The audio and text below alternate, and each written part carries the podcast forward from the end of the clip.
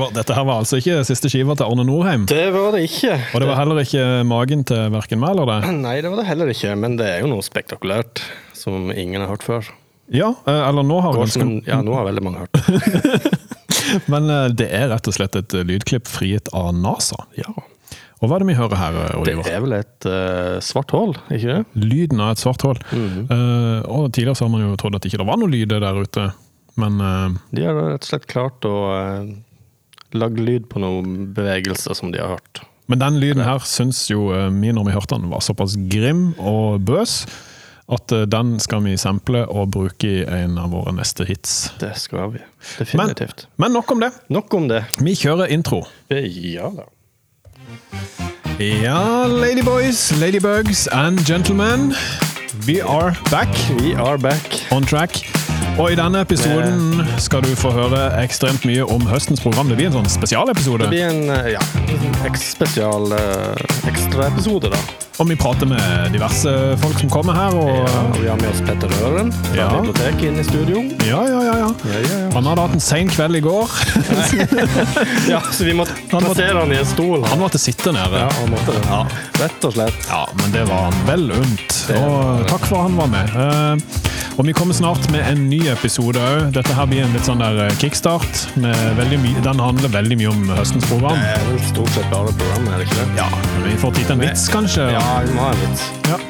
Det må vi. Og det er deilig å være tilbake. Du ser veldig opplagt ut. Ja. Jeg er jo på kanskje niende kaffekopp her. Ja, Minst. Men uh, huden din ser jo ikke Den ser ikke bra ut. bra ut. Nei. Eh, og, Men mer om det i neste episode. ja, jeg tror vi må ta det i neste episode. Og mens vi er inne på det, vi skal jo da være eh, hudterapeuter. Ja. Eh, Det drøyer vi til neste episode, så det er fortsatt mulig å sende noen bilde av din hud, video eller hva du måtte ønske. Så skal vi analysere og hjelpe deg ut av knipa.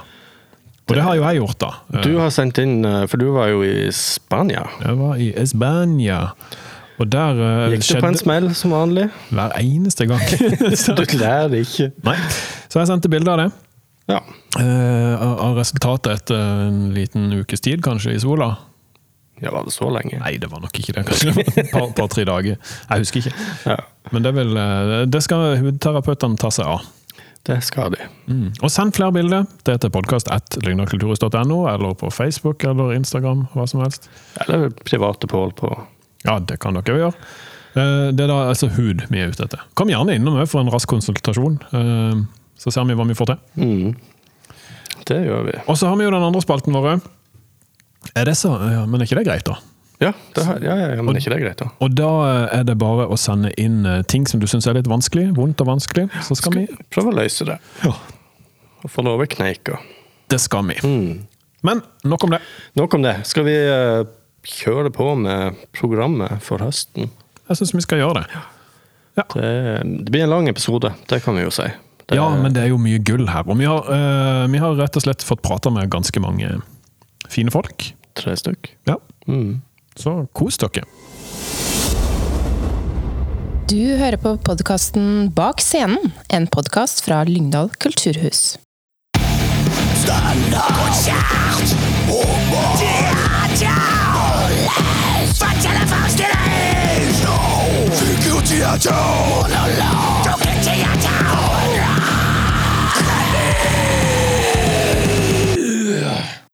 All right, mother, folkens. Ja. Da er vi jo samla her en fin liten uh, gutteklubb i dag. Dette går rett i latterkrampen med en gang. Ja, skal vi, skal vi Jeg vet, nå sitter du her med ungdommen. Eller du sitter jo. Han sitter, ja. Ja, måtte dere si det, da? Ja, det måtte vi faktisk. Ja, ok, Greit, jeg sitter. Men skal vi ta et lite opprop? Er det en grunn til Du har, du har sånn badering under rumpa. Hva er det for noe? Badering? Nei, En avis. kan vise. Ja. Nei da. Eh, men skal vi ta et lite opprop hvem som er til stede i dette vakre kommunale studioet i dag? Kan Ja. vi begynne med deg, Petter? Da har du uh, sittende uh, her, Petter Røren I fra biblioteket. I venstrehjørnet. venstre hjørne. Og vi har Og det er Ivar. og Pål. Og vi skal rett og slett gi dere en fin liten gjennomgang av, av mye av det som kommer til Kulturhuset i høst. Og vi skal snakke med litt folk, hvis vi får tak i dem. Men jeg tenker vi går rett på. For lørdag 3. september klokka 16, da kommer det et herlig eksperimentshow som heter Barn ingen adgang, som sikkert ganske mange kjenner fra NRK Super, blant annet, YouTube og rundt forbi. Mm.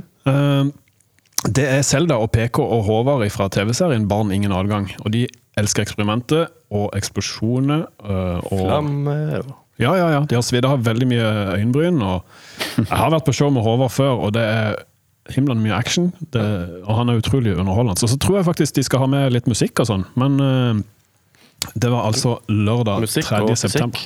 Musikk og fysikk. Lørdag 3. september klokka 16. Og jeg lurer på om vi skulle kanskje tatt og prøvd å ringe til Håvard. Det kan vi gjøre. Jeg har nummeret sitt. Ja. Ring, ring. Vi prøver det. Ja.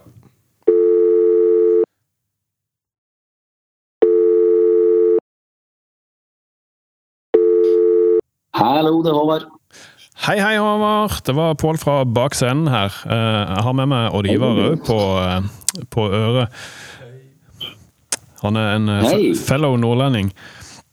Men du, dere kom jo til Lyngdal kulturhus med Barn ingen adgang. Og hva er det for noe, egentlig? Jo, det er et eh, show med masse fysikktriks og eksperimenter som folk kjenner fra eh, TV-programmet Barn ingen adgang. Og så er det i tillegg ispedd noen låter. Jeg spiller noen, eh, noen sanger, så det blir på en måte en artig miks mellom fysikk og musikk. Fysikk og musikk, ja. Jeg har jo sett show med, med deg alene tidligere, og det, jeg vil si det er veldig mye både fysikk og musikk og mye, mye gøy. Originell og, og fart og futt. Så, så dette gleder jeg meg. Men du har jo med deg noen kompanjonger. Hvem er det vi møter her? Og dere møter eh, Per Kristian Grytdal, eller PK som alle utenom eh, mammaen hans kaller han.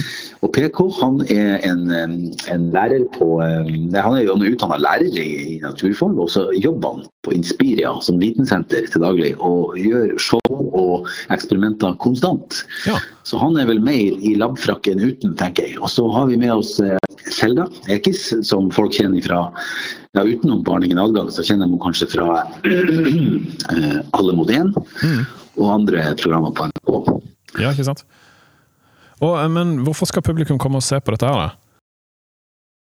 Mm, ja, men det er jo hvis de, hvis de er glad i å ha det artig. Hvis de er glad i å se flammer og, og eksplosjoner og eh, er glad i å eh, oppleve ting som eh, hvor, hvor vi mister kontrollen litt av og til. fordi når man holder på med eksperimenter, så, så er det ikke alltid at man vet hvordan det går. Um, men vi, men vi, gir oss, vi gir oss jo ikke før vi får ordentlig smell og Nei. ordentlig eh, flammer. Det gjør vi ikke. Nei, det har jeg sett eh, eksempler på jeg må bare, jeg må bare hoste litt. Jeg må bare hoste litt. Gjør det.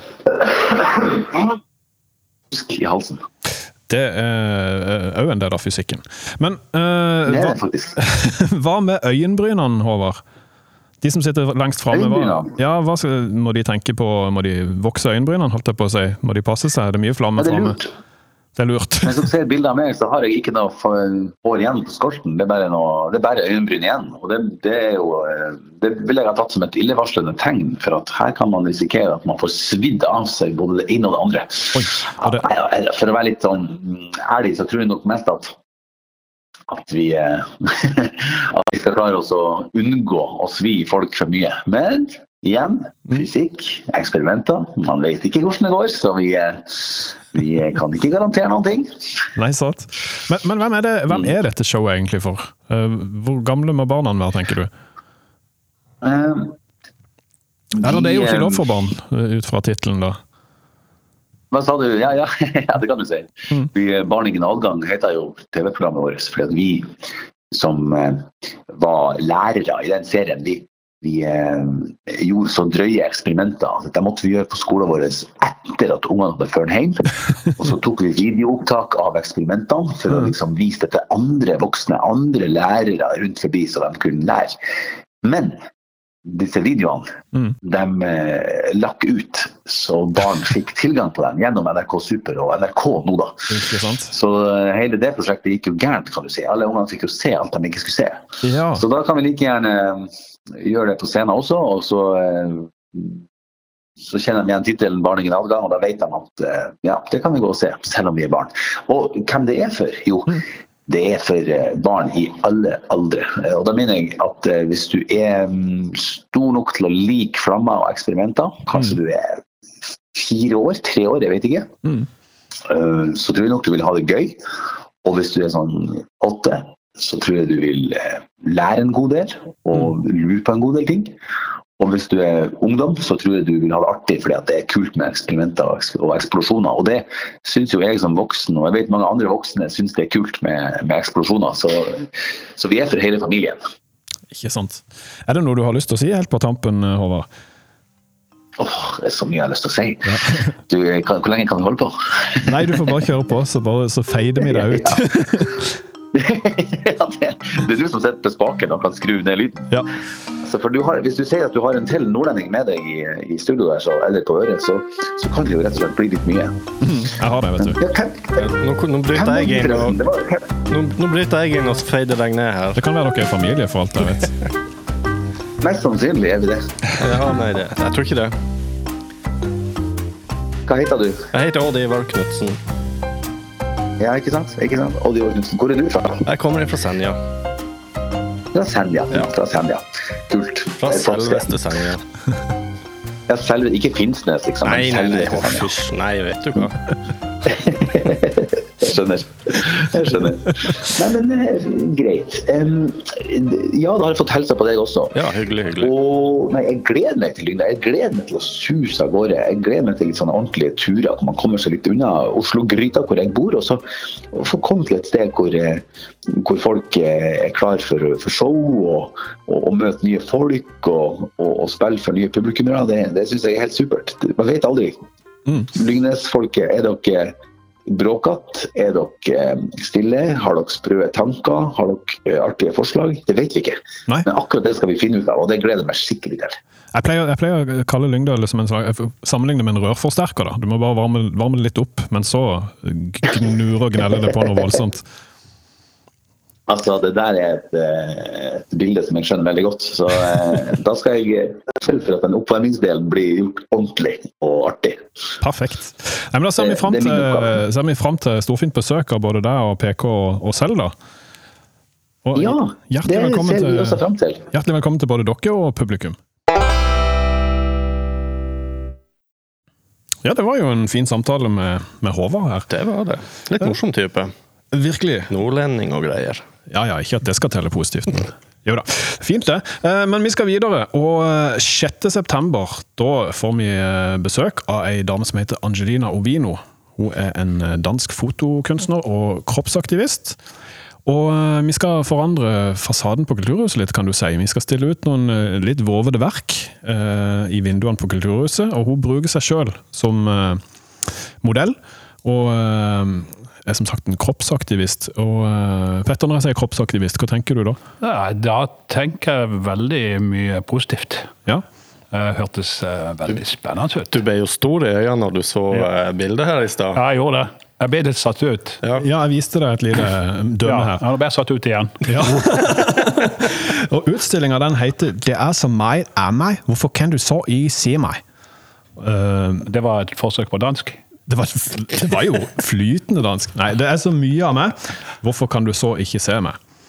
Eh, oversatt til en slags lyngdalsdialekt. Eh, hun har i flere år arbeidet med kroppsaktivisme. Hun lager også film, hun lager dokumentarfilm. Hun har eh, annet laga en film om å surfe og ikke få til å surfe. Eh, den har jeg sett, og den er utrolig bra.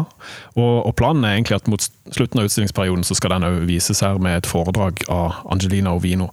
Vi har pratet med henne i en tidligere podkast, og eh, det er bare å glede seg. Og Utstillinga kan som sagt eh, ses fra utsida av Kulturhuset, men så må du kanskje inn for å, for å se noen av, verkene. da. Og det er som sagt det er mye kropp.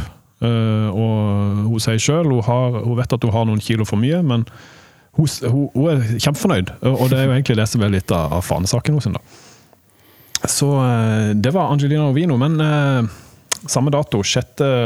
september, Petter. Ja, da eh, kan vi by på et bøtte med klovnen Knut. Oi, ei bøtte. Eh, han bruker jo også kroppen sin Ja. på alle vis. og Han er jo en skikkelig veteran. Han har vært her flere ganger og er kjempeflink. Eh, og han er jo morsom både for store og små. Mm. Det er jo typisk for gode klovner og komikere at de kan fenge både store og små. Det er 6. september eh, klokka fem ja. i Skreli Amfi. ja. Eh, Hvor vi nå står. hvor vi nå står, ja. Vi regner med at vi kan eh, fylle salen. Og garantere at det blir morsomt. Eh, Han skal jo besøke Lyngdal Nord, Byremo og Konsmo. Ja. Det er veldig positivt. Og, og der er det, det er en gratis forestilling. Ja, Men altså, men Ja, nettopp. Jeg tror du tok ordene ut av munnen på meg. Jeg har skrevet en sånn ja. lapp her, for å, for å være helt sikker. Hva står det på lappen? Og der står det at alle våre arrangement, altså bibliotekets arrangement, er gratis. Det er jo ikke dårlig bare det. Nei? Eh, Men det som du også kanskje hadde tenkt å si, er at du må løse ut billett. Og det kan du gjøre på lyngdalkulturhus.no, på Lyngdal kongelige folkebibliotek, eller på Lyngdal eh, kongelige kinokiosk. Nettopp. Ja. Og da skal vi videre til en mann som har vært her noen ganger før, nemlig Svein Tindberg. Eh, Han har nå lagd en helt ny forestilling som han kaller for Gudspartikkelen. Den kommer søndag 11. september klokka 19. Og en veldig spennende eh, forestilling. Eh, Der han utforsker dette her krysningspunktet mellom vitenskap og tro. Eh, ja, kan, kan man bevise, bevise disse tingene? Eh, Ja, hva, hva kan vitenskapen si oss om, om tro? Kvantefysikk og Veldig mye spennende tema som man utforsker der, og det er jo en monolog i kjent Svein Tindberg-stil. Men jeg lurer på om eh, hvem er egentlig bedre til å fortelle om forestillinga til Svein Tindberg enn Svein Tindberg? Jeg har nummeret hans, så jeg lurer på om vi skal bare spenne i denne stålvaieren og ringe han. God idé.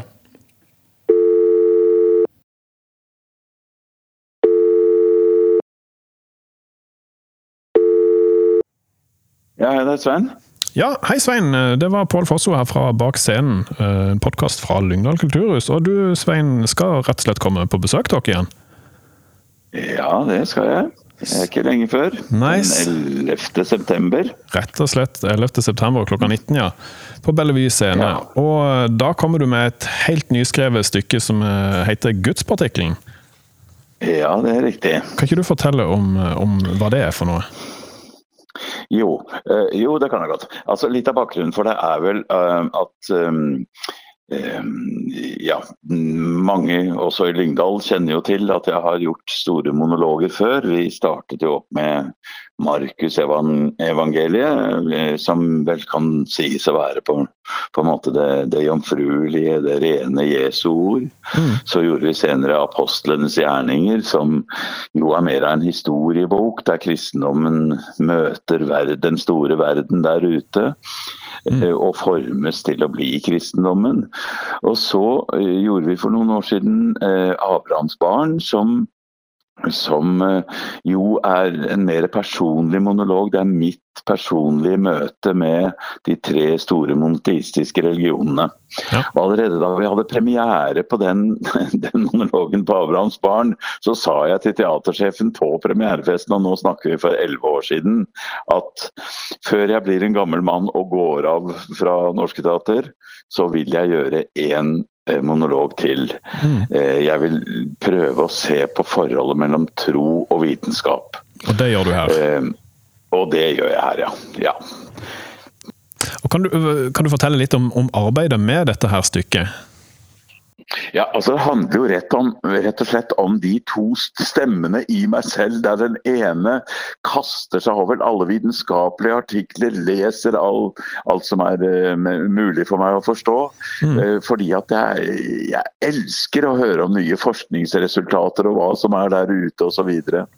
Den andre siden av, altså den ene siden av meg lengter etter beviser, etter uh, nye oppdagelser, mens den andre siden av meg er jo Jeg vokste opp i teater, jeg vokste opp i legender og myter og poesi, og etter hvert tro. Så det er på en måte mitt eget spenn mellom klemt mellom tro og vitenskap. For, for må jeg til syvende og sist, sist velge? Altså, vi vet jo at um, menneskeheten har uh, Menneskehetens forhold til Gud og guder har vært nødt til å Gudebildene har vært nødt til å vike etter hvert som vitenskapen kommer med, med, kommer med ugjendrivelige bevis. Så betyr det da at det at jeg selv i dag tror på Gud, eh, at det er bare fordi vitenskapen ikke er kommet langt nok, er mitt gudsbilde rett og slett et uttrykk for mangel på kunnskap. Og jeg trenger ikke en gud som bare dekker over, at jeg, dekker over mangel på kunnskap. Mm. Men er det så enkelt? Altså, i dette spennet har jeg holdt på. Så jeg tok rett og slett permisjon fra Norsk Teater ett år, Mm. og har holdt på da med fysikk, rett og slett. Ja. Eh, det året. Jeg har hatt med meg en fysiker, Gaute Einevold, veldig bra fyr. Mm. Og han har hjulpet meg og guidet meg gjennom for å se på For å forstå litt av den siden som jeg vet mindre om enn jeg vet om Bibel og tro, da. ja. Og du har òg her et eh, samarbeid med Kjetil Bang-Hansen. Det har jeg absolutt. For alle disse monologene har jo vært et samarbeid mellom Kjetil Bang-Hansen. Og manuset til, eh, til gudspartikkelen har Kjetil og jeg skrevet i samarbeid. Mm. Men det er allikevel min historie vi forteller. Så dette er nok den pers mest personlige monologen jeg gjør. Ja. Og som ligger i, i det spennet der, da. Hva er det Inger Hagerup sier? To tunger har mitt hjerte. Mm, det er ikke sant. Og det er litt der dere jobber, skjønner jeg. Eh, Men da lurer jeg på, Svein, hvem burde se gudspartikkelen, og hvilke spørsmål kan man få svar på?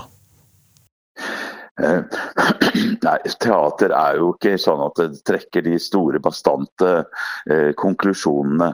Men, men jeg går nok ganske mye lenger her i å se på hva er fysikk og hva er forskning, og hva sier det.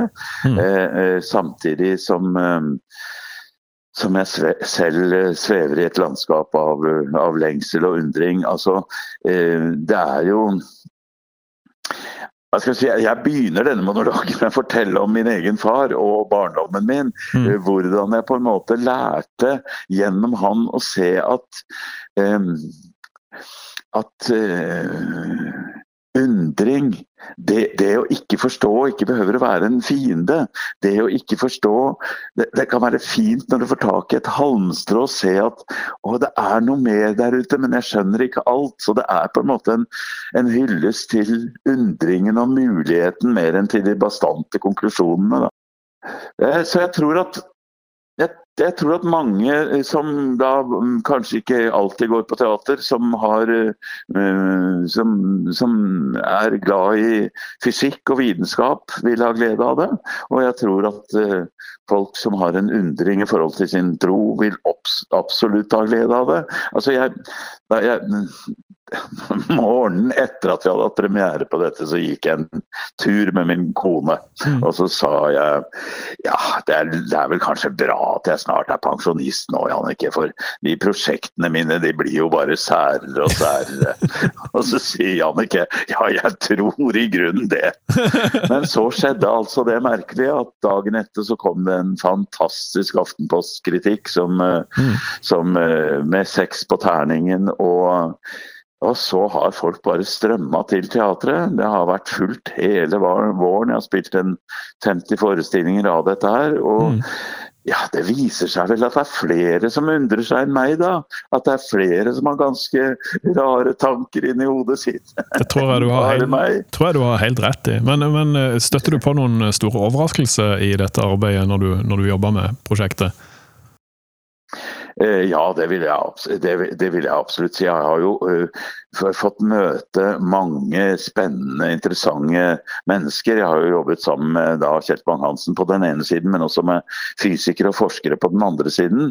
Og, og, og jeg har hatt eh, mye møter da med Gaute Einevold, eh, som er hjerneforsker og professor i fysikk. Mm. Så har jeg hatt et samarbeid med Katarina Peitschel, som er både nonne og eh, professor i eksperimentell fysikk. Ja? Og så har jeg hatt stor glede av å, å, og, og møte professor Hans Herlov Grelland i Grimstad.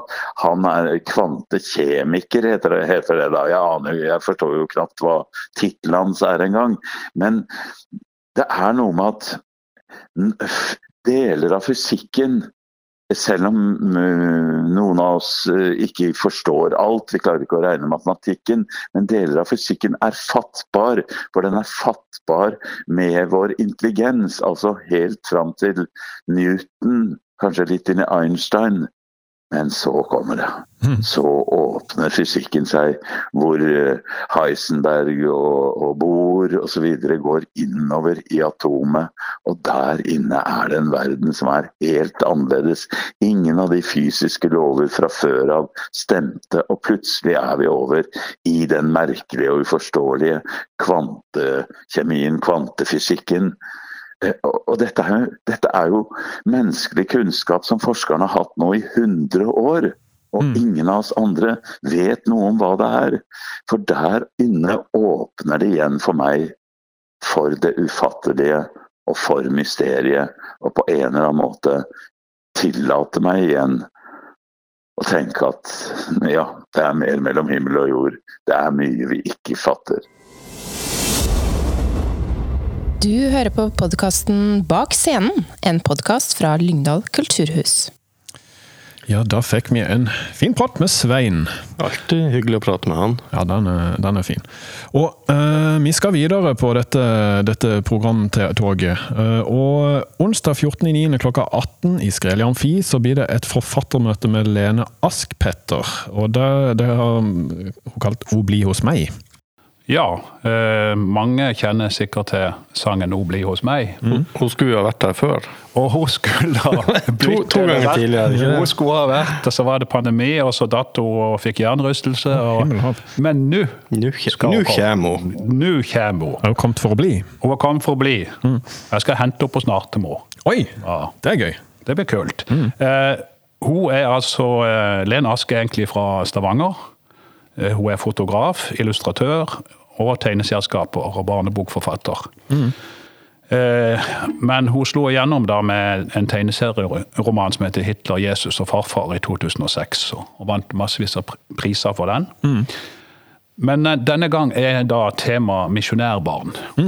Det har jo vært litt eh, fremme i, i mediebildet de siste årene eh, om at eh, alle disse misjonærene som blir sendt til hele verden, Asia, Afrika, overalt fra Norge, kanskje ikke hadde det så himlende bra alltid. Vekke fra mor og far og familie. Eh, og utrolig nok, jeg skal gi dere noen tall her. Altså Midt på 1900-tallet så fantes det hvor mange misjonsforeninger, tror du? Pål? Kan jeg gjette? Ja, Kan det være rundt 4500, eller noe sånt? Du har juksa. Mulig, mulig. 4500 misjonsforeninger, og da med over 100 000 medlemmer. Ja, for det var det jeg tenkte å tippe på. Ja, medlemmer. Ja. Du får ikke flere spørsmål. Spør rådgiver- spør rådgiveren, Ja, ikke det- det- Kan, kan jeg bare låne lappen din?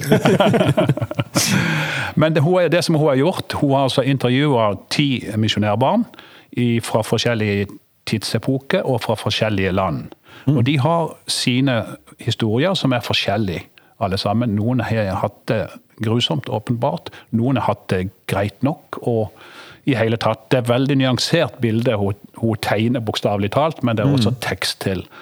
Eh, og det er sterke saker. Eh, du kan nesten ikke lese den boka eller romanen eller tegneserie- tegneserieromanen uten eh, å bli så grepen at du må liksom ta noen pauser. Ja. Eh, og jeg hørte henne sjøl i, eh, i Grimstad for eh, to år siden på det Hamsen-Ibsen-dagene. Mm. der hun ble intervjua av Olaug Nilsen, og det, var, det gjorde sterkt eh, inntrykk. For det er kanskje mange voksne som ikke er egentlig helt inne i dette med tegneserieroman. og Dette er jo dokumentarisk tegneserieroman. Ja, Og, og Petter og meg har jo hatt noen samtaler om det. Jeg er veldig glad i tegneserieroman, og jeg tror du òg er blitt mer og mer glad i det. ja veldig.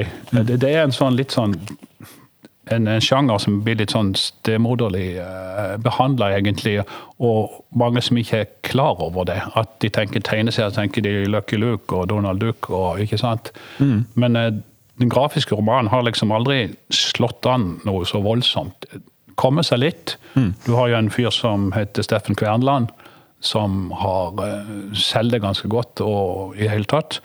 Eh, og Lene Ask har også blitt opp, oppdaga. Eh, men eh, det er mye å gå på. Eh, og hun, det som var gøy, og som jeg håpte på, var jo at det deles ut en pris for beste tegneserieroman hvert år. Eh, og da var jo Steffen Kvernland med og konkurrerte med Lene Ask. Eh, Men jeg heier jo på Lene Ask, da, selvfølgelig. Og hun vant prisen for beste.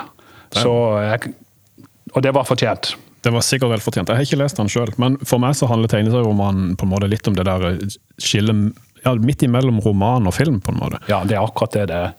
Det er, eh, du, det er to sider som blir nei, altså du har, Det er som en eh, bok og så en film, og så setter du dette her i sammen. Og så går det opp i en høyere enhet. Ja. Eh, Kan bli veldig bra. Og dette er Veldig bra. veldig bra. Hvis ikke så hadde hun ikke vært her. Nei, du gal. Og da tror jeg vi skal gå videre til noe klassisk. Eh, Mandag 19.9. klokka 19.00 på selveste Bellevue så skal vi ha Kristiansand Sinfonietta. Og eh, Det er et kammerorkester bestående av 24 musikere fra Kristiansand Symfoniorkester. Mye strykere, der er harpe og eh, Det er fløyte. Ja, det Per, dags dato så Jeg håper ikke det. Håper ikke det. Det. Er kontrabass, tror jeg det er. Og det er veldig mye fine instrumenter. De skal spille Edvard Grieg, eh, Maurice Ravel, nå be- begir jeg meg ut på uh, gyngende grunn her. dypt ja. Arthur uh, Honegger og Igor Stravinskij. Jeg tror jeg kom tålelig greit gjennom. Helt presist. Og uh, det blir inn, innledninger med musikerne, så du får uh, litt eh, kjøtt på beinet om eh, musikken og stykkene. Eh, Jeg kan jo si på forhånd at det er ikke vanlig å klappe mellom satsene, men her er det jo flere, flere komponister, så da er jeg faktisk på gyngende grunn igjen. Er det lov å klappe da?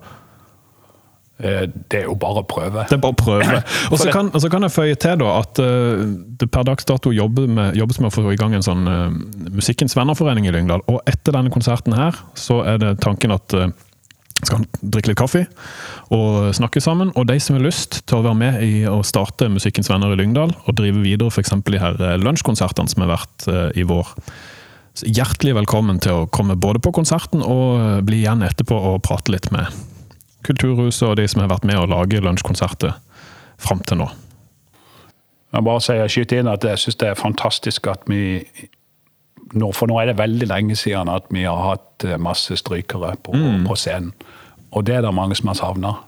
Og dette er jo, dette er Dette er jo jo et stort ensemble. veldig stort Og og da fint. blir det, da blir det magisk. Altså levende klassisk musikk, Mm. Det topper alt. Og så kan jeg jo si det at for at vi skal kunne gjøre sånne ting i framtida, så er det viktig at folk eh, kjenner sin besøkelsestid og kommer på det og viser at det er interesse i Lyngdal. For da, da har vi muligheten til å gjøre mer av det. Og dette er jo da en del av prosjektet Kilden ut i Agder, der de tar med seg symfonimusikk ut til de mindre arrangørene. Og vi skal ha mer eh, samarbeid med Kilden. Eh, den eh, Onsdag 21.9. klokka 19 i Skreli Amfi så eh, er det noe som heter Musikksalongen. Jeg har kalt det en hyggekveld med Nederland og Nordhus. Og Konseptet heter som sagt Musikksalongen. Det er Kjetil Nordhus og Sigbjørn Nederland, som mange kjenner.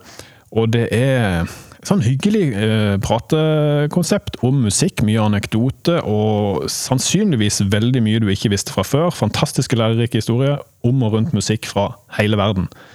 Um, og det er egentlig bare å komme. Det er billettsalg på den òg.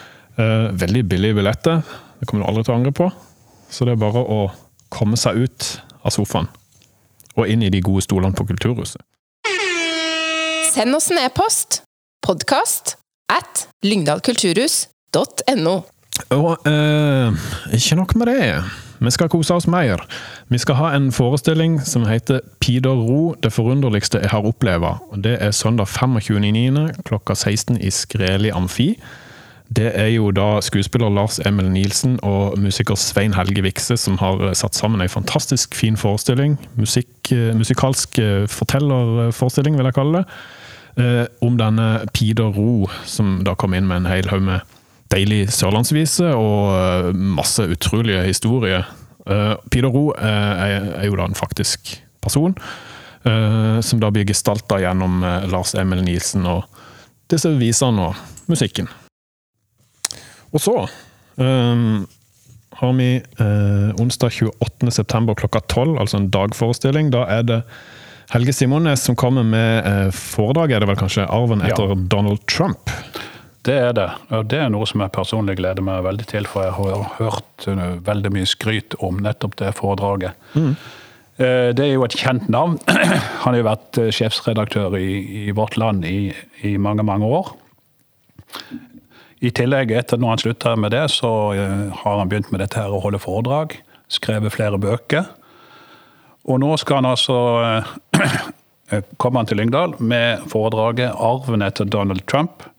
Når konspirasjonsteorier og religiøs retorikk truer demokratiet og verdensfred. Det er jo aktuelt, eh, absolutt, men eh, siden eh, Putin eh, gikk i krig eh, mot eh, Ukraina, så har han da fletta dette her også, naturlig nok, inn. Ja, for Donald For Trump uh, støtta jo dette. Han gjorde det. Han syntes han var en uh, kjernekar. ikke sant? Tøffing. Så du har dette her. eh, og, og, og den uh, russisk-ortodokse kirke, eh, de støtter jo Putin. eh, akkurat som en del av eh, den kristne Eh, Amerika støtter eh, Trump. Eh, så det er en del fellestrekk her. Eh, og han eh, går inn på dette her på en eh, og gir oss masse uh, interessant informasjon, og han er veldig flink. Eh, og han trekker da paralleller, og temaet er jo når religion og eh, politikk sauses sammen, så kan det bli ei smørje. Det har vi sett noen, på, ja sett noen eksempler på. opp igjennom, opp gjennom tiden. Og eh, det, det skal han da fortelle oss om. Og eh, som sagt, jeg kan garantere at det blir en, en veldig interessant time. Og det blir anledning til å stille spørsmål og, og komme med kommentarer etter foredraget. Og dette her er altså gratis igjen, som alt annet mm. som biblioteket arrangerer. Men eh, løs ut billett.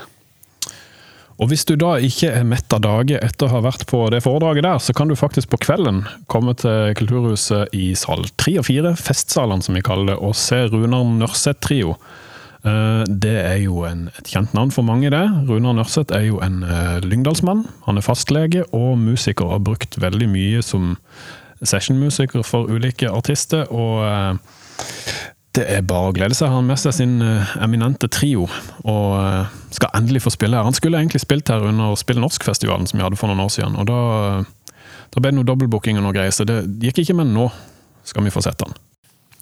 Og jeg lurer på Skal ikke ja. bare ta en telefon til han nå? Jo, jeg har nummeret hans òg. Han er jo lege, da, så vi må jo passe på å ikke ringe midt i, midt i konsultasjonen. Du vet jo Ja, men du, har, du hadde jo litt problemer med huden når du var på ferie. Kan ikke bare spørre han om det i samme slengen? Ja, det kan jeg jo. Jeg sendte jo et bilde til, faktisk til podkasten her. Det, det, det kan jeg jo nevne, det kan jo andre få lov til å gjøre. Send eh, bilde. Vi er jo hudterapeuter i denne episoden, så det spørs jo egentlig om du rekker det, så drit i det. Men ja. ja, Vi ringer til Runar. vi ringer til Runar.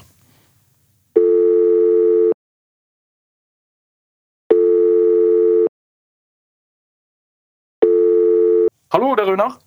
Ja, hei Runar! Du, eh, det er Pål her fra Lyngdal kulturhus og podkasten Bak scenen. Så du skal komme til oss med din trio, Runar Nørseth-trio. Eh, og da vil jeg bare spørre fort, eh, Runar, hva er det?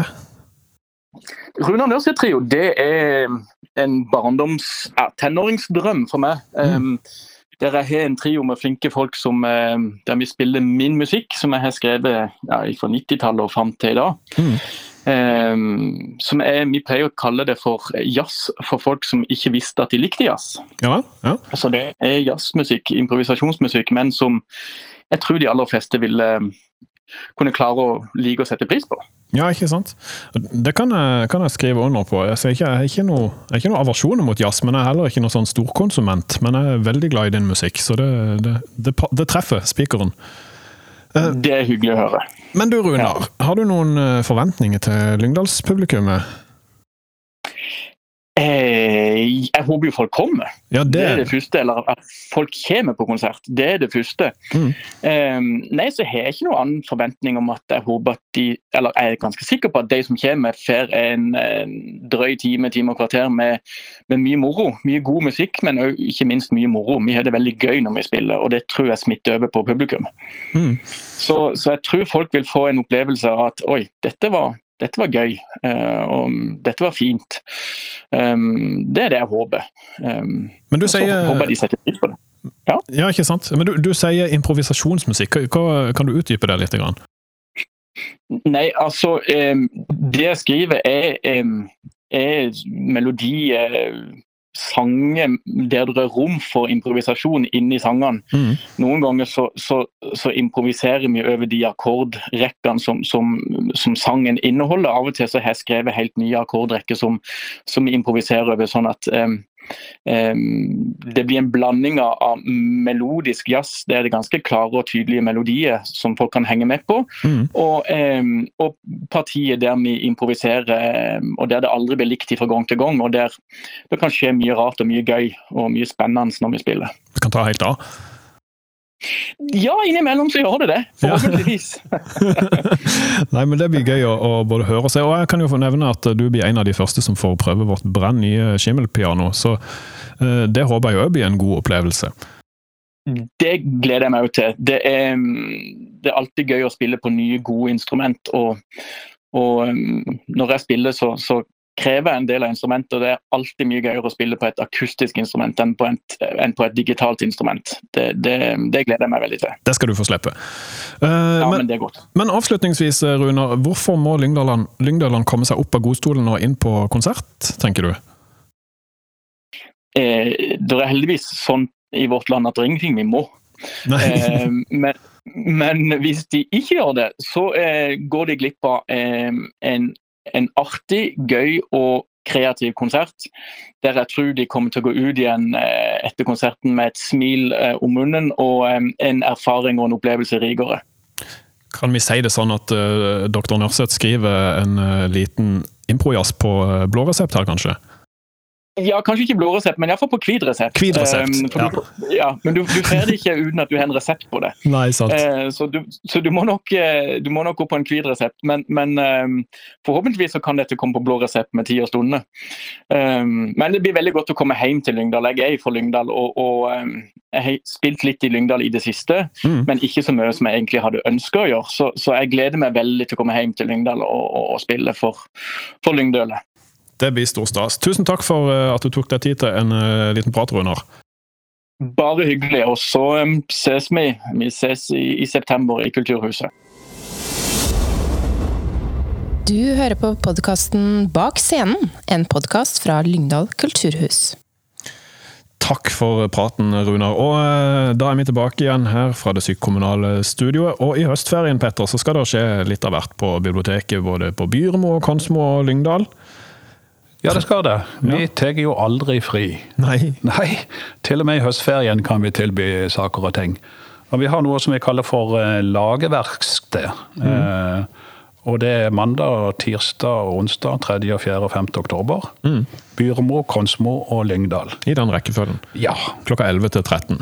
Og tilbudet er gratis og passer for barn mellom 6 og 10 år. Her er det påmelding mm. på Byrmo og Konsmo. Ja. Uh, mens uh, i Lyngdal så er det jo bare å komme. Ja. Dere finner mer, på, på, mer info om dette på vår nettside på programsida. Så gå inn der og sjekk og meld deg på. Og så uh, skal vi faktisk ha en turnépremiere onsdag 5. oktober klokka 18. Da kommer Riksteatret med en forestilling som heter Detektivbyrå nummer to, Operasjon teater. Den passer jo for deg som liker mysteriet, teater, humor og spenning, blant annet. Og Detektivbyrå-bøkene, Detektivbyrå nummer to av Jørn Lier Horst er jo enormt populære. Det kan vel du skrive under på, Petter? Ja, det, de, de, de låner mye ut som hakkamøkk, og, og denne forestillinga har jo også fått veldig god kritikk. Han har det. Han har faktisk vært her en gang før, og nå er det ny turné, og premieren er i Lyngdal, og det er stor stas. Da ruller vi ut rød løper og, og full pupp. Og uh, det som er, Apropos bøkene, da. Vi skal ikke rulle ut en full pupp. Altså. Hvem er det som har full pupp? Nei, det får vi se. Jeg vet, ikke, jeg vet ikke om noen på Kulturhuset som er full pupp. Nei, nei, det, nei, jeg skal ikke nevne navn. Nei. nei. Er, og uh, vi ruller ut i hvert fall rød løper, da. Ikke full pupp. Og det, det, kan jo sies at dette, denne boka kan du faktisk ikke låne på Lygnad bibliotek, for den fins ikke. Så du må rett og slett komme og se teaterstykket på Kulturhuset. Og jeg vil også nevne at det er et lite minispill, et sånn online spill. Du kan løse et lite teatermysterium på forhånd. Så gå og sjekk nettsidene våre, og spill spillet. Og Riksteatret kommer igjen med Jeanne d'Arc tirsdag 18. oktober klokka 19. Og før den så kommer det muligens en konsert med elg. Den ligger ikke ute ennå, men det er i regi av eh, Blå Kors, Kristiansand og Barnas Stasjon. Så, eh, og en konsert åpen for alle. Men elg fra Dance with a Stranger kommer da eh, forhåpentligvis 12. oktober. Så bare følg med, så plutselig ligger den der. Men det var Jeanne d'Arc tirsdag 18. oktober klokka 19. Og der kommer det òg et introforedrag i forkant klokka 18.15. Da er det Da er det Menneskerettighetssenteret Nei. Bare si det. Nobels fredssenter. Nobels fredssenter skal mm. ha et introforedrag om hva er vi villige til å kjempe for i dag. Dette er jo storsatsinga til Riks Riksteatret denne høsten, og uh, veldig mange kjenner nok til den uh, historien om den unge jenta som gikk i, i, døden for en sak hun trodde på. og uh, Det man prøver å finne, komme litt inn, inn, på her, da, er hvem var hun, og hvor kom dette motet fra? og hva er det med den skjebnen som fortsatt berører oss 600 år etter at hun ble brent på bålet. Og der, eh, Jeg hører på en podkast som heter Henrettelsespodden, som er veldig oppløftende og koselig. og Der lærte jeg nettopp at uh, når man brant folk på bålet, så var det vanlig at man ble kvelt samtidig. Uh, og det klarte de ikke med Jeanne d'Arc, for da skulle bøddelen blir litt grafisk, jeg beklager det. Bøddelen skulle da ha ei løkke rundt halsen på, på vedkommende som ble henretta, og, og, dra den bakover, men det ble altså så varmt at bøddelen klarte ikke det, så hun ble brent levende dessverre. Uh, nå ble det jo veldig koselig her. Men teaterstykket er uh, fantastisk bra. På scenen ser du Monica Dybwad, Mats Mo, Eirik Langås Jørgensen, Oskar Jean, Elias Moussaoui, Ansett og Gorm Grømer. Og det er bare å løse billett fort som svint. Der har det kommet inn en veldig stor bestilling, uh, nettopp som gjør at det er trangt om plassen. Og så uh, skal vi smelle inn en FNs eldredag den 20.10. Uh, det er gratis arrangement, men du må inn og se mer på våre nettsider. Det kommer straks. Og så kommer mandag 24.10. klokka 18. Du, du, glemte en ting. Gjorde jeg det? Ja. 22. Eh, oktober. Lyngdal Brass. Det gjorde jeg. Det var ikke lagd flyer om den. Lyngdal Brass kommer med, sammen med Kvinesdal Musikk korps og Mandal musikkforening, er det det? Jeg har ikke jukselapp på den. Uh, og med brass og bram, som jeg pleier å si. Uh, badam, ja. det er lørdag 22. oktober klokka fem. I Skreli Nei. nei. Bellevue scene. Bellevue scene. Og så kan vi gå videre til mandag 24. oktober klokka 18 på Bellevue, Petter. For da kommer Oddgeir Bruaseth. Ja, han er vel en mann som alle kjenner til. Det blir en del sånn NRK-profil denne høsten? Ja, det gjør faktisk det. Eh, han har vært her før med stor suksess. Eh, mannen med den vakre røsten. Mm. Behagelig. Eh, og disse utrolig bra programmene der ingen skulle tro at noen kunne bo.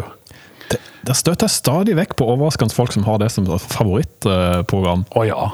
Det, det, blir som Norge Rundt og ja, i hele tatt. Ja. Og det gjelder jo i alle aldre også, ikke sant? Ja, det er det det gjør. Eh, spenn. Eh, han har jo laga tolv sesonger. Mm. Det er jo ganske formidabelt, bare det. Mm. Eh, og så har han skrevet fire bøker. Han har skrevet 30 bøker, men fire bøker om nettopp det. Eh, og nå har han skrevet den femte. Ja. Og den kommer for han for å presentere nå. Eh, på mandag 24. For dette her blir på en måte litt sånn oppfølger til TV-serien? gjør det ikke det? Jo, det gjør det. En, på en måte en slags, jeg vil tro en som en slags avrunding. Mm. For dette, det han har gjort, er at han har kontakta en del av disse folkene som var med i disse forskjellige programmene, mm. eh, og se hva de gjør i livet nå. Hvilke valg de har tatt. Lever de fortsatt sånn som de gjorde? Eller har de tatt andre valg? Og det viser seg at det, det er både òg. Ja. Og mange har det har vært som jeg sa, et ekteskapsbyrå. De har fått seg kjæreste. Noen er flytta til andre kant i verden. Noen er flytta tilbake til byen. Eh, eh, veldig fascinerende. Mm. og jeg kan love at det blir mange morsomme og rørende og overraskende historier. Mm. Og det blir selvfølgelig anledning til å kjøpe boka og få en personlig hilsen hvis du vil. Hvis du ønsker det. Og som sagt, utrolig nok, gratis, dette også. Helt utrolig. Og så Det er eh, nesten ikke til å tro. Nei, det, det, Det er ikke til å tro. Den var feit. Eh, skal vi se. Lørdag 29. oktober klokka 19. Da kommer det noe som mange har gleda seg til. Da er det The Johnny Cash and June Carter Show med The Boys Named Sue. Eh, og den er nesten utsolgt. De har eh, turnert i eh, ti år, dette bandet. Og det er nok et av de mest turnerende Johnny Cash-tribute-bandene vi har i Norge.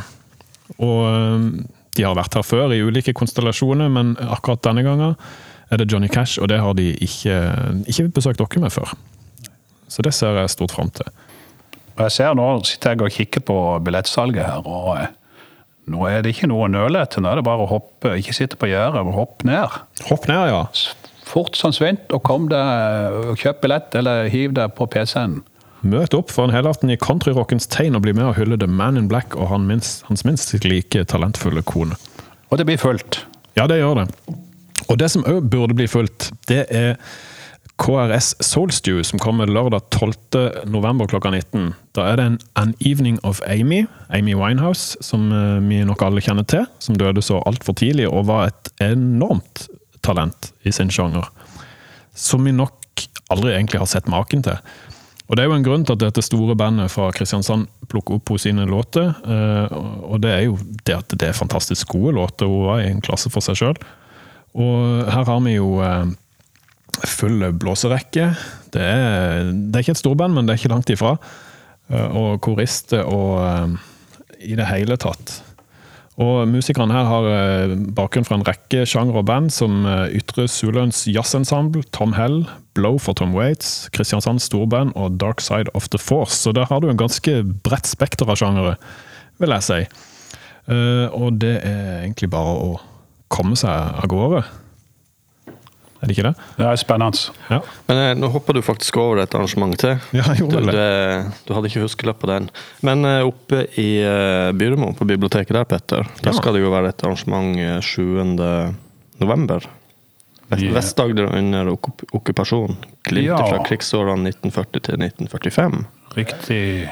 Det stemmer, det. Eh, nå- Drøse litt om det. det kom litt brått på for meg òg. Det er sånn, Krigen har jo en tendens til å komme litt brått på, ja, dessverre. hvis det er lov å si. Uh, deres er ei bok da, uh, som ble utgitt i 2021 og skrevet av en som heter Johan Christian Frøstrup og Bjørn Davidsen. Eh, det er et verk på syv, hele 700 sider. Og boka det gir et tverrsnitt av hva som skjedde i Vest-Agder de fem årene landet var under tysk styre og stell. Og Mye av historien er fremdeles ukjent, for de har gravd fram eh, nye ting som er spennende. Og dette skal de da eh, formidle. Ja. Det blir fint. Det er mange som er interessert i krigen. Den går aldri ut på dato. Hva er det du pleier å si? Det er krigen, Kristus og De, country. Hva som, hva som selv i Lyngdal. Ja. ja. det pleier jeg å si. Krigen, Kristus og country. Ja. Men det som òg forhåpentligvis selger i Lyngdal, er jo uforglemmelige jakteventyr, eh, Petter. Eh, Og Ja. Espen Haugland han kommer til Kulturhuset torsdag 17.11. klokka 18 i Skreli Amfi. Og skal gi dere et, vel et fotoforedrag, går jeg ut fra? Ja, vi kan godt kalle det for det. Eh, De fleste i Lyngdal vet jo hvem Espen er. Mm. Han er jo, eier jo jakt- og fiskebutikken her. En veldig trivelig er kar. En trivelig kar. Han har jo fått kongens fortjenestemedalje og hele krigskorset for sin innsats i Afghanistan. Det er stort. Men uh, det er ikke det han skal snakke om her. Han er en ivrig, meget pasjonert uh, jeger som reiser rundt i hele verden og, og jakter på det som jaktes det som han får lov til å jakte på. Han skyter på det som han får lov til å skyte på, ja. og det er ikke småtteri. Her i, I dette foredraget her så vil han konsentrere seg om eh, to land. Det er New Zealand, og så er det Sibir i Russland. Like spennende begge to. Eh, New Zealand er jo en fantastisk eh, plass eh, å jakte. Der finnes eh, mange sjeldne dyrearter. Også eh, veldig attraktivt for eh, fiskere. I Sibir kanskje enda mer interessant. Eh, han sier sjøl at det er som å reise 60 år tilbake i tida på alle vis. Eh, og det er jo på grensen mot Mongolia han jakter. Og det er faktisk i Vladimir Putins jaktområde Ja. som han har. Så han kunne, hvis det hadde høvd seg sånn, hvis ikke han var så opptatt med krig og sånt, så kan det godt være at han hadde truffet han der. Eh, Der jakter han etter bjørn, ulv, hjort og sibirsk rådyrbukk. Så det er, ikke, det, det er ikke småtteri. Og han er flink til å fortelle og vise det. Og han er også god fotograf. og Veldig flotte, fascinerende bilder. Eh, og det er selvfølgelig gratis igjen. Helt Og det regner vi jo med at det må bli fullt hus. Mm.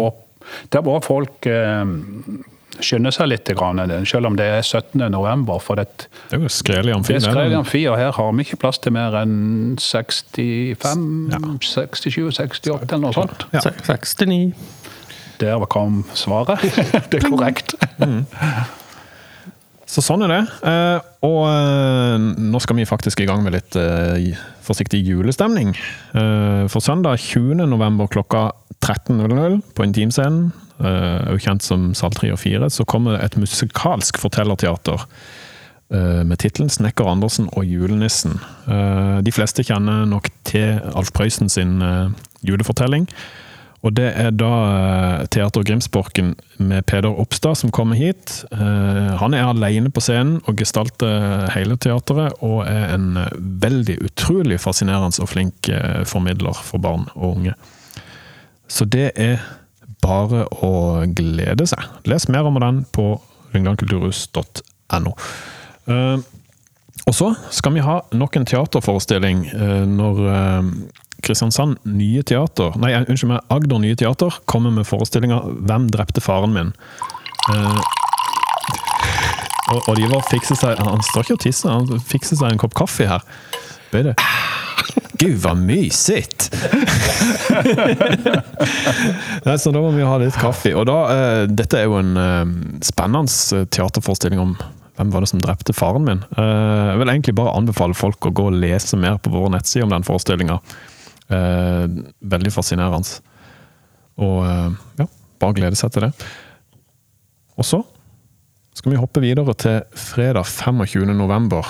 Da eh, er det gratis filmvisning med innledning av Hidden Life, heter filmen. Klokka 11, altså, på Bellevue. Da kommer bl.a. Ragnhild Synnøve Lid og Magne Haugland for å holde innledning om denne filmen. Og nå er det sikkert mange som husker storfilmen Sound of Music. Det vil jeg tro. Eh, Nå kan du se en lignende langfilm, A Hidden Life, eller på norsk Et skjult liv, som forteller den sanne historien om den østerrikske bonden Frans eh, Jegerstetter, som nekter å sverge troskap til Hitler da han blir innkalt til militærtjeneste. Eh, Og der er det jo òg sånn at det er mer info på våre nettsider lyngdalkulturhus.no. Og Filmen har jo en parallell til Lyngdal under krigen, der eh, gårdsbrukerne Fredrik Grøvan, Ole Vegge og lærerne Peder Duesund, Herløv Omland, Selmer Bringsjord og William Kleivan og Torvald Grefstad nekta å godta den, det nazistiske herredømmet. De viste som Frans fast mot i sine tilsynelatende små, skjulte liv. Så eh, her er det jo klare paralleller, så jeg tenker det er mange som eh, vil være interessert og har stor eh, nytte og glede av å se den filmen. Og introforedragene. Og så skal vi dykke ned i eh, jazzens uh, mirakuløse medisinske verden.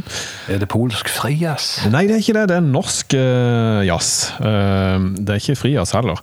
Det er Baker Hansen, eller Baker Hansen, alt dette som hva du foretrekker, som kommer lørdag 26. november klokka 19 i festsalene. Og de spiller da nynorske Hei, Rune Haugan. Nynorske versjoner av Hei, Kvås eh, Mållag. Eh, nynorske versjoner av Chet Baker sin eh, fantastiske jazzmusikk fra Cool Jazz. Men Det er ikke gladjazz. det er ikke det. Men hvordan let fortellingene på vårt eget morsmål? Ja, det må du finne ut Ja. ved å løse billett. De har vært her før. Det er et nydelig femmanns jazzorkester.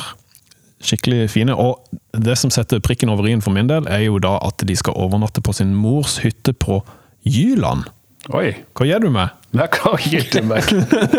Det er jo det jeg er så glad i å gjøre. Kanskje det ikke er samme mor, da, men uh, Jyland er det i hvert fall. Uh, og så har vi jo en uh, utrolig hyggelig fyr som både meg og deg liker veldig godt, Petter. Tore Renberg, som kommer med nå en trio. En kveld med Tore Renberg Trio onsdag 30. november klokka 19 i Festsalene. Og det som jeg syns er ekstra stas, er at han kommer med en ny bok i Texas-serien. Ja, det er ikke til å tro. Nei, Eh, altså, det blir mange sider, dette her. her. Ja, ja, ja. Eh, og, og, og det er jo bare så forrykende fantastisk eh, at man Man går jo tom for superlativ man skal skildre hva denne her trilogien nå som blir Som kommer, kommer en, en til, det er ikke til å tro.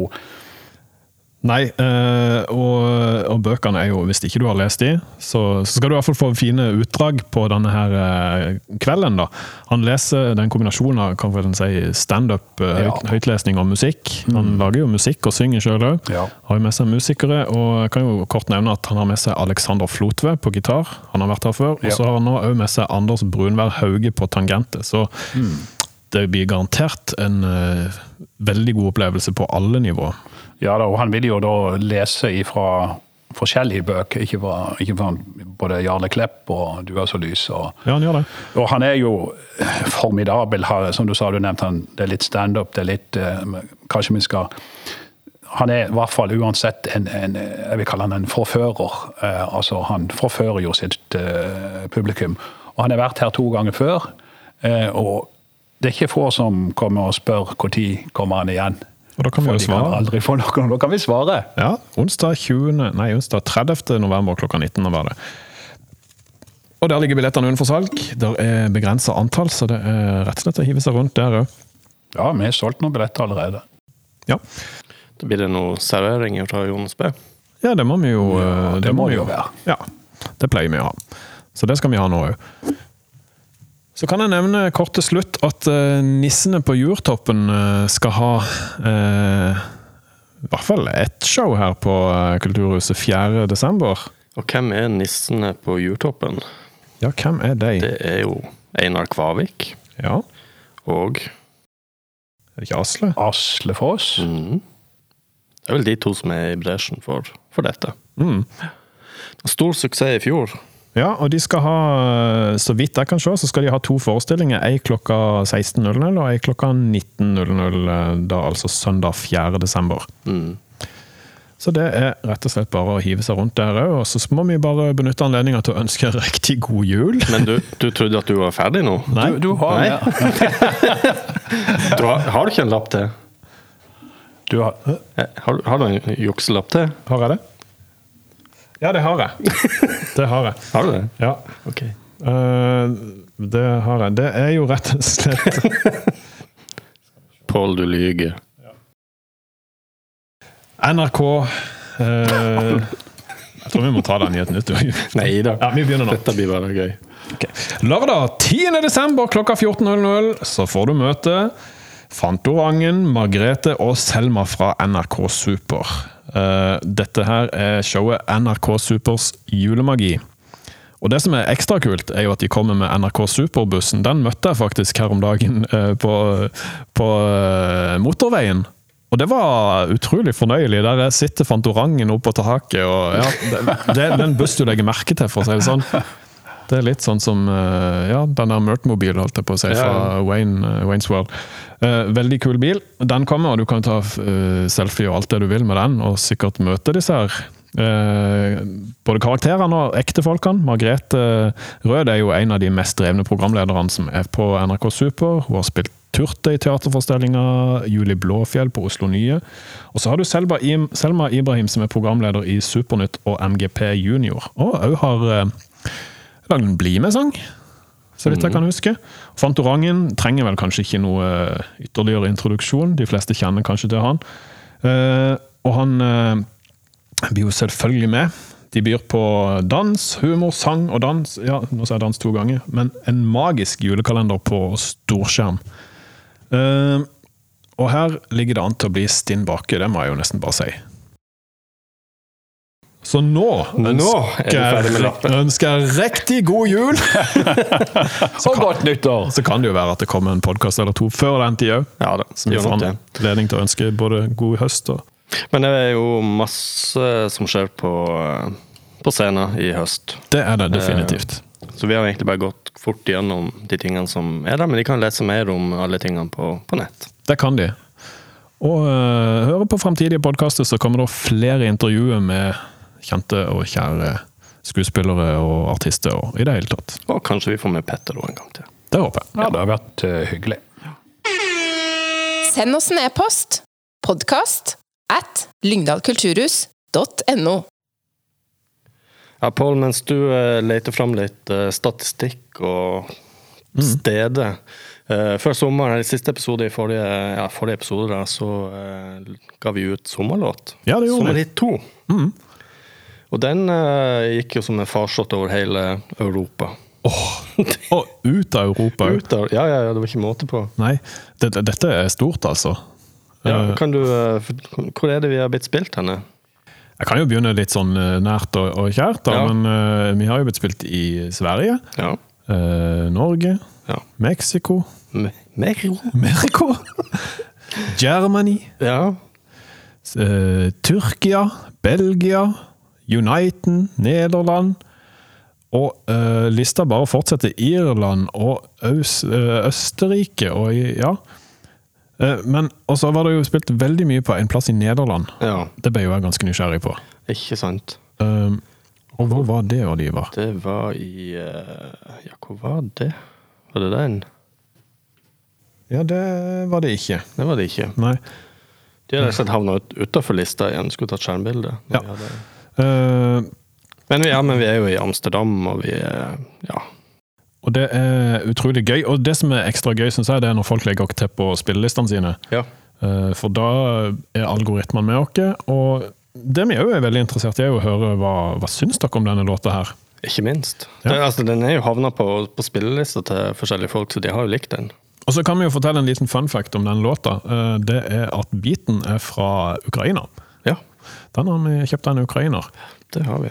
Og så har vi uh, En russisk felespiller. mm, Og norske uh, tølpere. trubadurer.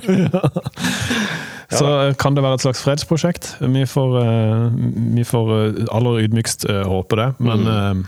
i hvert fall så kan det vel bidra til sinnets munterhet. Det håper vi. Ja. Klarer vi det, så er vi jo egentlig godt fornøyd. Vi er jo det. Ja. Ja, vi er jo fornøyd uansett. Er ikke det greit, da?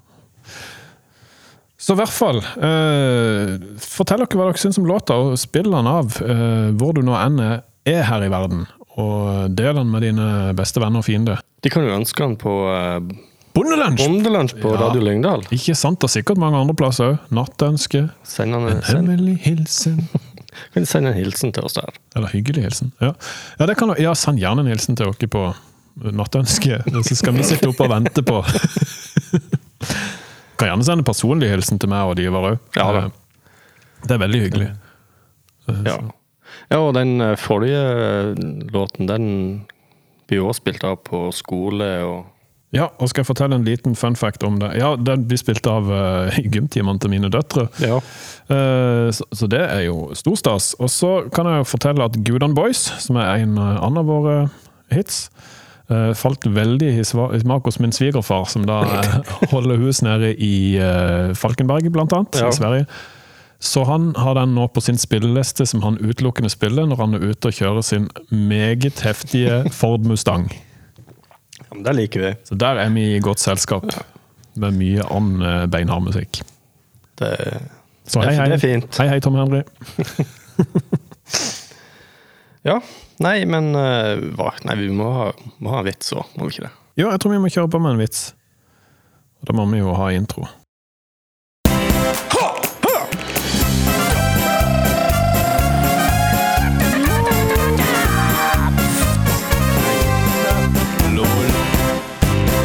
Hæ? Påls vitsehjørne. Ja, ja Pål, da spør jeg deg, har du en eh, vits på lur? Veldig rart at du spør, for det har jeg faktisk. Så bra. Ja. Eh, Dette her er da en eh, vits om komponister. Og da er det Sylvester Stallone som spør her, eller sier I'm making a movie about composers. I'm playing Beethoven. Og så, det er ikke helt sånn han snakker, kanskje, men så sier Jean-Claude van Damme I'll be Mozart. Og da kommer Arnold Schwarzenegger. Stop it, guys! I'm not saying it! I'll be Bach.